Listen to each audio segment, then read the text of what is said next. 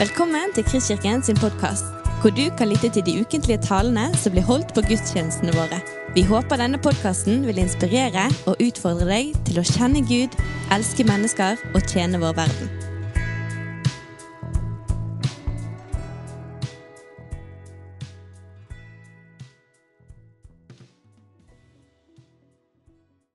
Vi er kommet til eh, kapittel fire i eh, taleserien eh, Lys og eh, salt.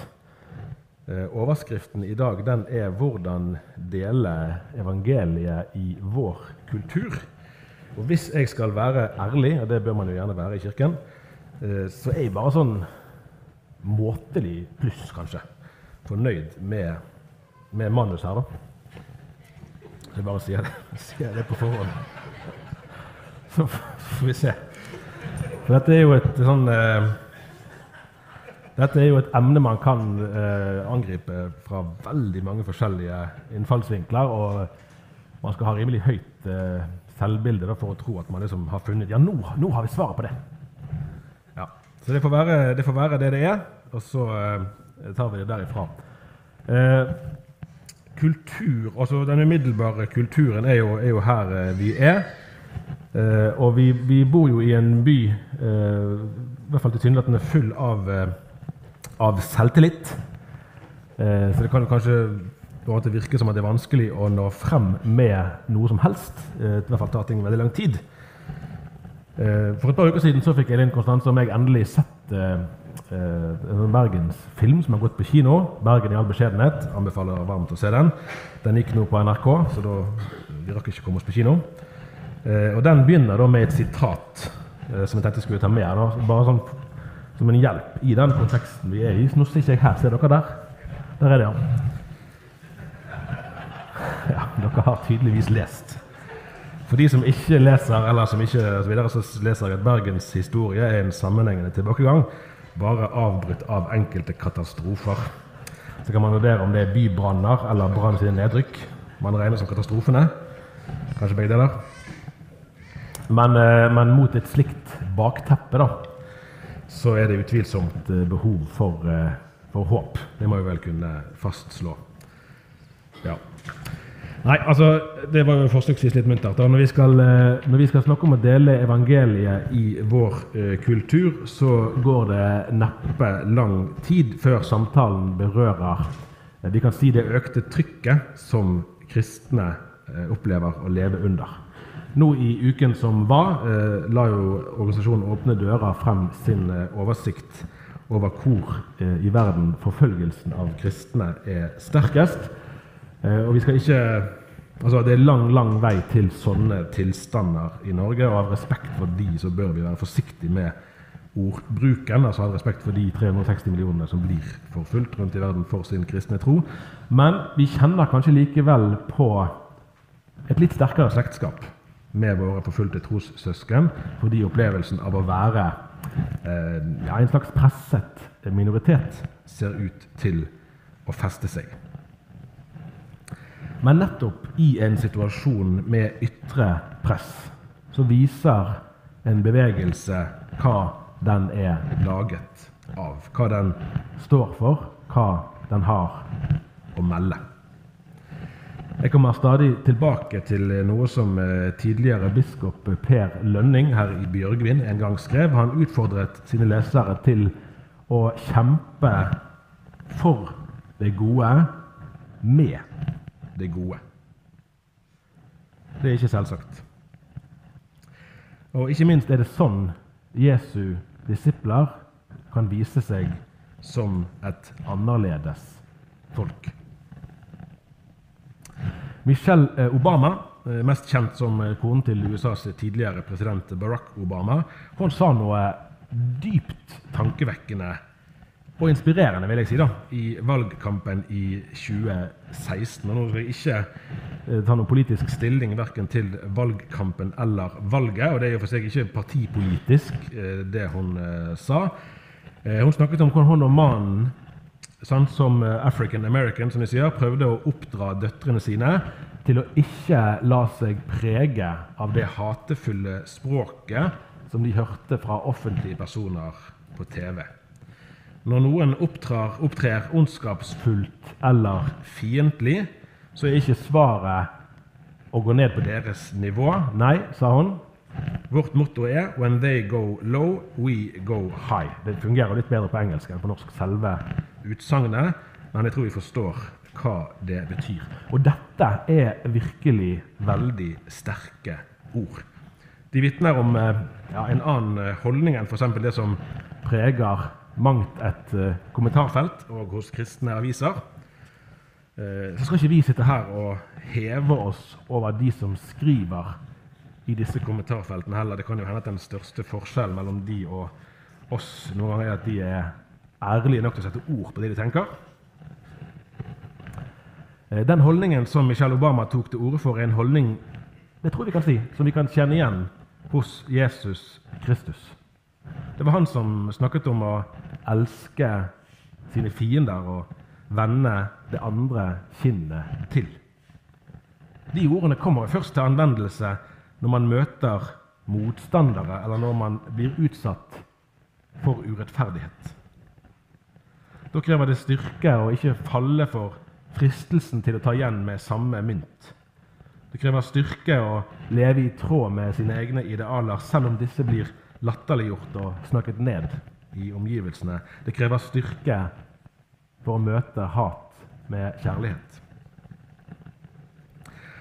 Hos profeten Jeremia finner vi i kapittel 29 noen vers som har blitt sitert fra talerstolen her i menigheten mer enn én en gang før gjennom årene. Men disse ordene er så radikale, så utfordrende, at vi mer enn gjerne kan la oss treffe av de igjen. Og la oss huske på bakteppet. Det var ikke spesielt oppløftende. Vi kan trygt si at israelsfolket var i en av de periodene som Georg Johannessen ville kalt for katastrofe. Det profetiske ordet lyder til et folk som hadde havnet i eksil i Babel, eh, antagelig enda verre enn Oslo, langt fra hjembyen Jerusalem. Så de var ikke akkurat på høyden. Det var ikke triumftog og jubelscener som preget hverdagen. Sannsynligvis var sinnsstemningen nærmere den andre enden av skalaen. Men da er det vi leser fra Jeremia vers, eh, kapittel 29, vers 5-7. Bygg dere hus og bo i dem. Plant dere hager og spis frukten. Ta dere koner og få sønner og døtre Ta koner til sønnene og gift bort døtrene deres, så de kan få sønner og døtre. Der skal dere bli flere og ikke færre. Der skal dere fremme fred for den byen som jeg har ført dere til i eksil, og be til Herren for den. For når den har fred, har også dere fred. Selve denne romantikken med ekteskapsinngåelser det tror jeg vi tar opp en annen gang. Det skjer jo på litt andre måter i dag. Eh, det er ikke det som er poenget med denne teksten nå. Eh, vi kan prøve å forestille oss eh, hvordan det var å ta imot denne hilsen. Helst så ville vi kanskje ha kommet oss derifra dess fortere, dess bedre, hvis det var oss det var snakk om. Hjemlandet var jo et helt annet sted. Og hvis det ble annonsert at ja, nå skal det komme et ord fra Herren Eh, så ville vi helst ha hørt om hvilken fantastisk fluktplan Herren hadde stelt i stand. Kanskje ville han eh, dele havet en gang til. Men beskjeden de får, den er en annen. De blir formant til å slå seg ned, til å slå røtter der, i Babel. Til å ta del i lokalsamfunnet, nærmest til å være byplanleggere de skal være fredsstiftere og arbeide for at det skal gå bra for byen de bor i. Selv om de altså er i fremmed land og har havnet der mot sin vilje. De skal ikke slutte med å være de de er, men de skal ta med seg denne identiteten til da et annet sted. Vi kan si at Denne tilnærmingen hjelper oss til å unngå to grøfter som vi òg kan risikere å havne i i dag, for livene våre er ikke så forskjellige fra deres liv som vi kanskje tror. På den ene siden så finnes eh, tilpasningen som fører til at, eh, at egenarten forsvinner, at vi slutter å være de vi egentlig er. Det som blir kalt for assimilering. Altså at vi som kristne i møte med storsamfunnet eh, aksepterer at troen blir gradvis visket ut. På den annen side så finnes eh, skyttergravskrig, eller tilbaketrekning. Altså at vi distanserer oss mer og mer fra storsamfunnet, og gjerne tar del i høylytt kritikk av det. En annen metafor kan være å oppsøke en slags eh, huleboertilværelse. På et teoretisk plan kommer vi antagelig raskt til enighet om at begge deler er dårlige alternativer, men én ting er den prinsipielle enigheten. Vel så viktig er jo den praktiske hverdagen. Og ja, Kanskje kunne det vært enkelt og greit om vi kunne sette oss ned sammen nå i en uh, halvtime her og bli enige om en slagplan som ville løse sekulariseringsproblemene og åpne hjertets dører for evangeliet rundt i Norges land. Jeg tror ikke noen av oss har en sånn plan. I så fall vil jeg gjerne høre om det. I 2. Korinterbrev kapittel 4 vers 7-10 leser vi at vi har denne skatten, altså evangeliet, i leirkrokker for at den veldige kraften skal være fra Gud og ikke fra oss selv. Vi er alltid presset, men ikke knekket.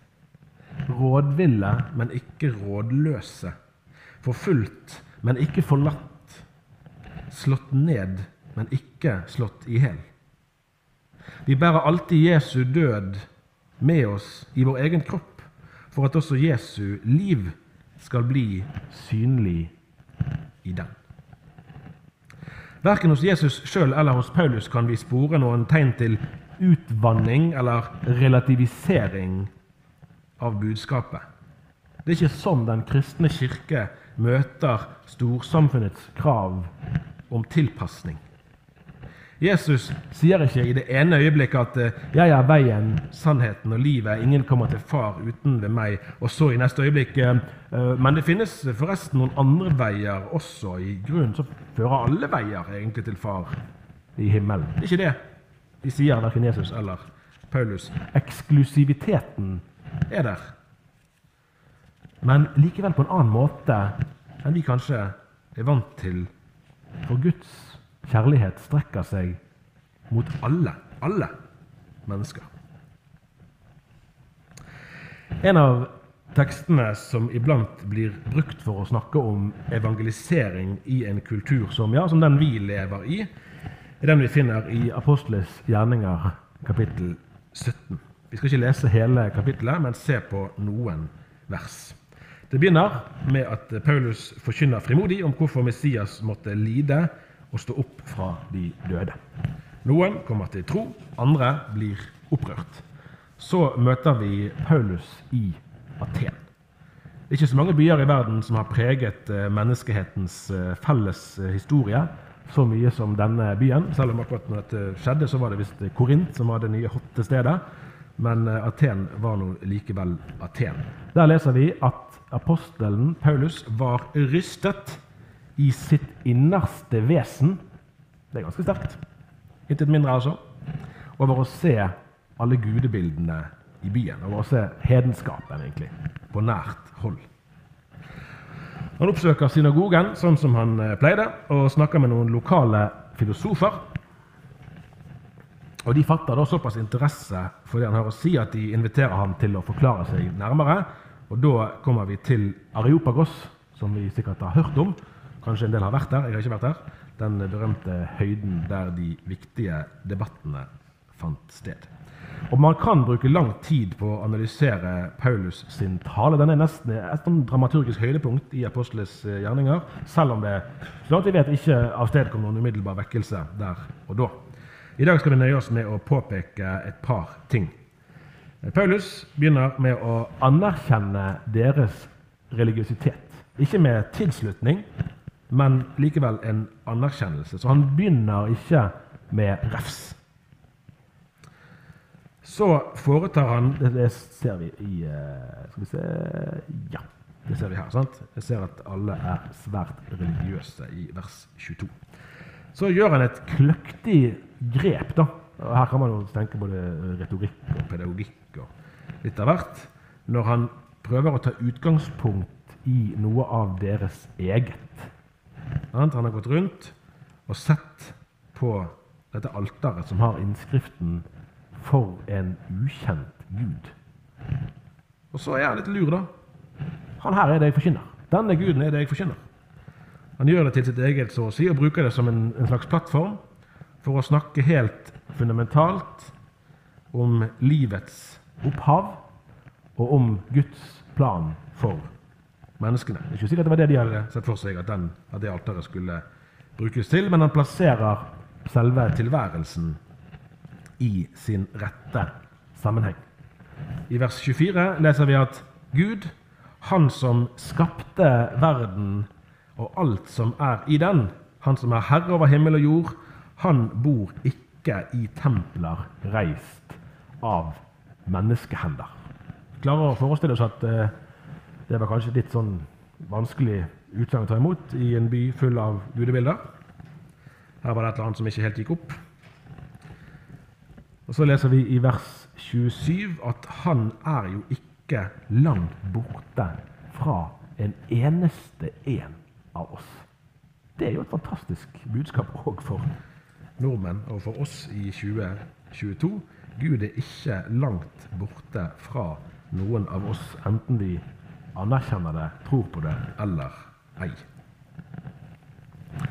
Til slutt i den gjengivelsen som vi har i kapittel 17, så leser vi i vers 32 at da de hørte om oppstandelsen fra de døde, som han jo måtte komme til for å forklare sitt anliggende, så var det noen som gjorde narr av han, mens andre sa at vi vil gjerne høre deg tale mer om dette en annen gang.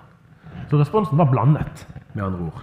Og Det kjenner vi jo igjen fra evangeliene òg når Jesus eh, var omreisende forkynner. Men noen kom til tro.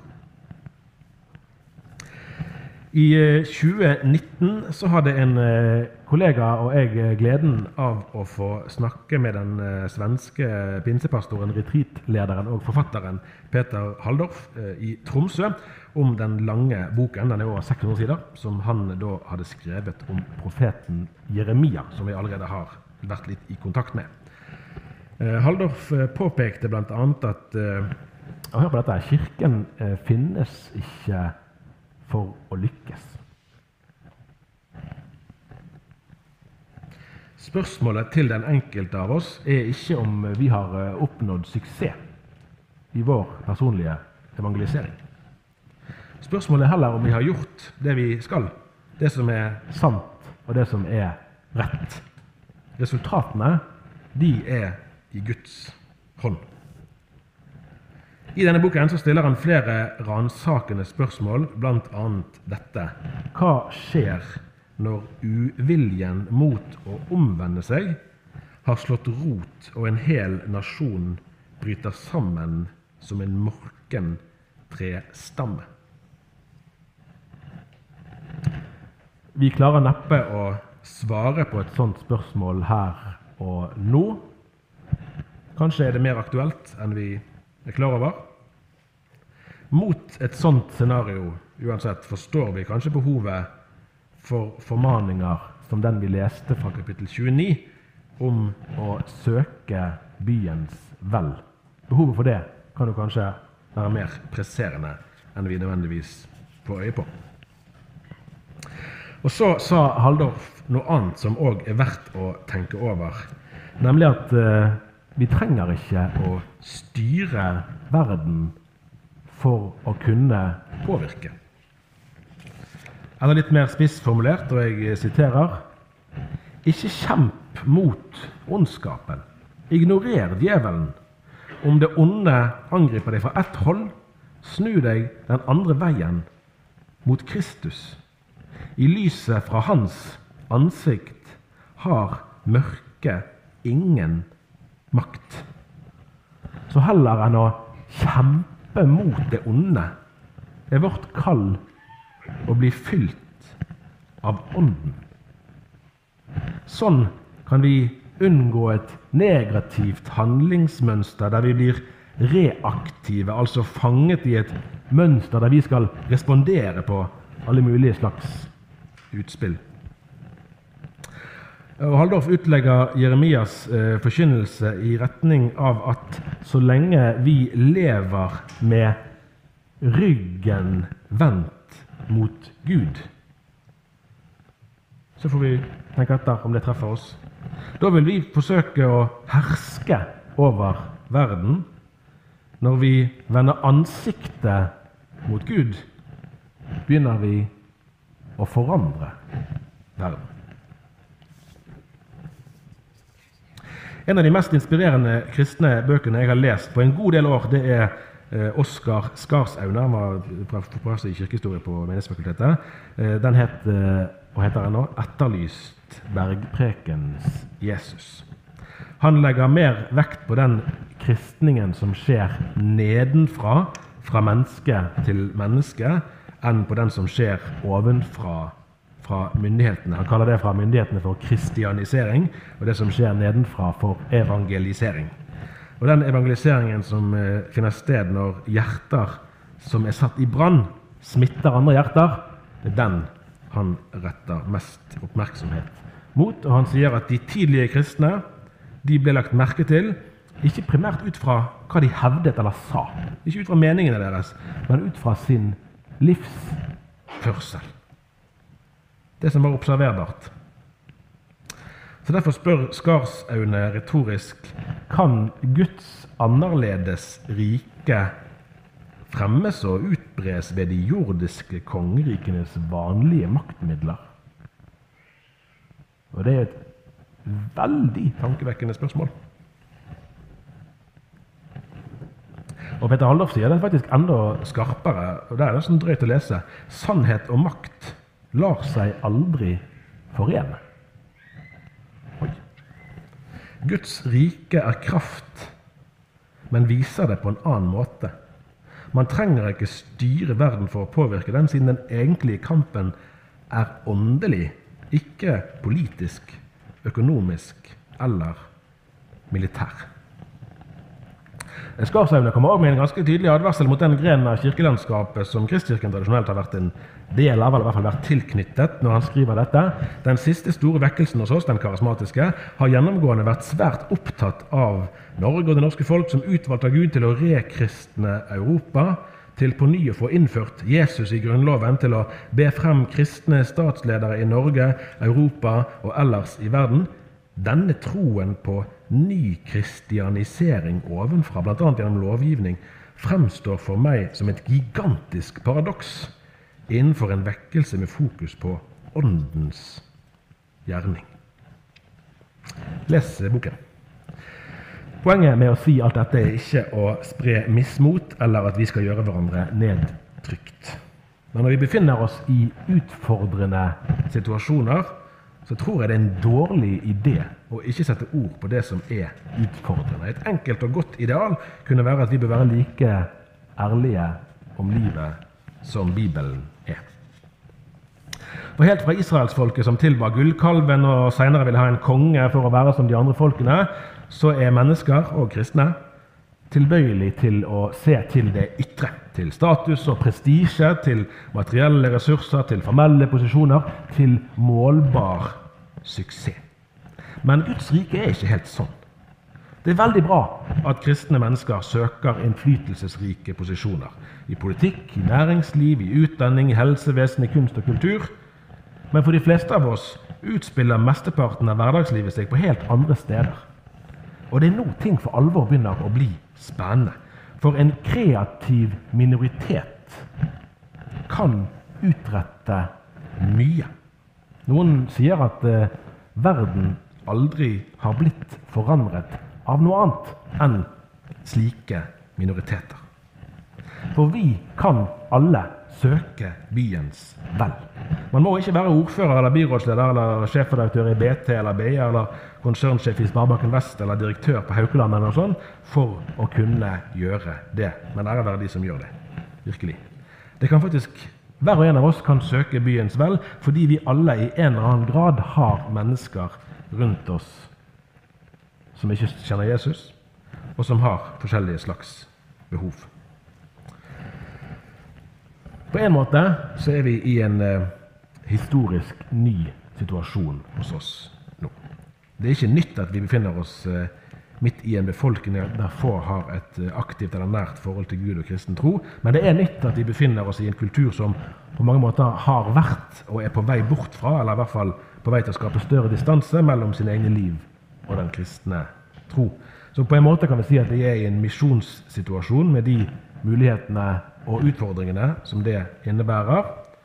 Men da må vi òg si at vårt kall er å drive misjon på vegne av et budskap som slett ikke er ukjent, men som omgivelsene våre mer eller mindre aktivt og mer eller mindre tydelig har vendt seg bort fra. For Én ting er å lansere en ny idé, noe annet er det å fortelle et menneske at den ideen hun eller han har forkastet, faktisk er umistelig.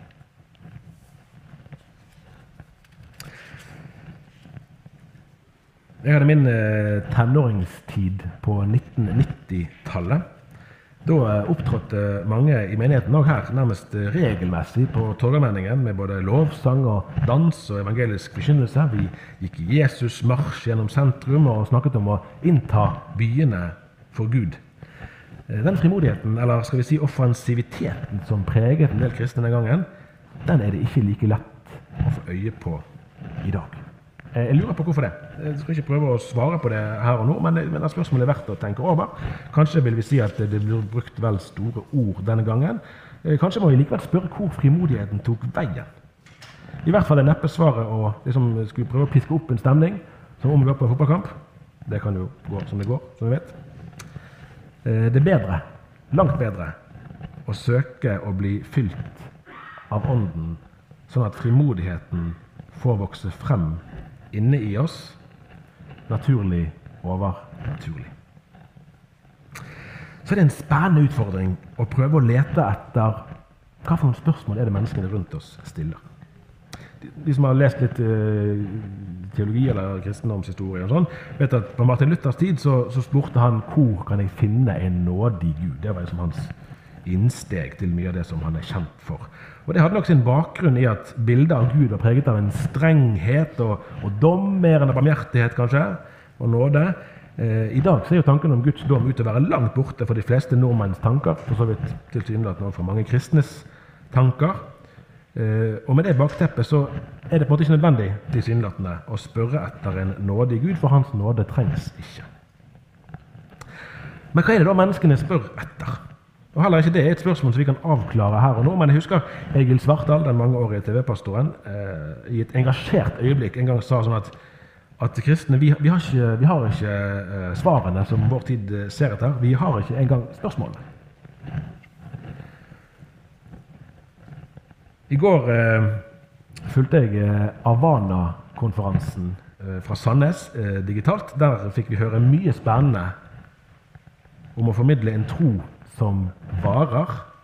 En eh, Jesus-etterfølgelse som gjør at færre forlater det kristne fellesskapet når de blir voksne. Eh, frikirkepastor Øyvind Augland, som en del her kjenner, snakket om bl.a. om den åndelige verdien i det å legge deler av samlingen med ungdommene til gymsalen gymsal og herje med de der. Det handlet om å betrakte hele livet som gitt av Gud og han advarte motsatt mot en situasjon der kanskje finnes det en tro et sted der inne, men den troen har egentlig ikke noen videre betydning for hvordan vi lever livene våre. Og så er det vel omtrent der utfordringen vår ligger.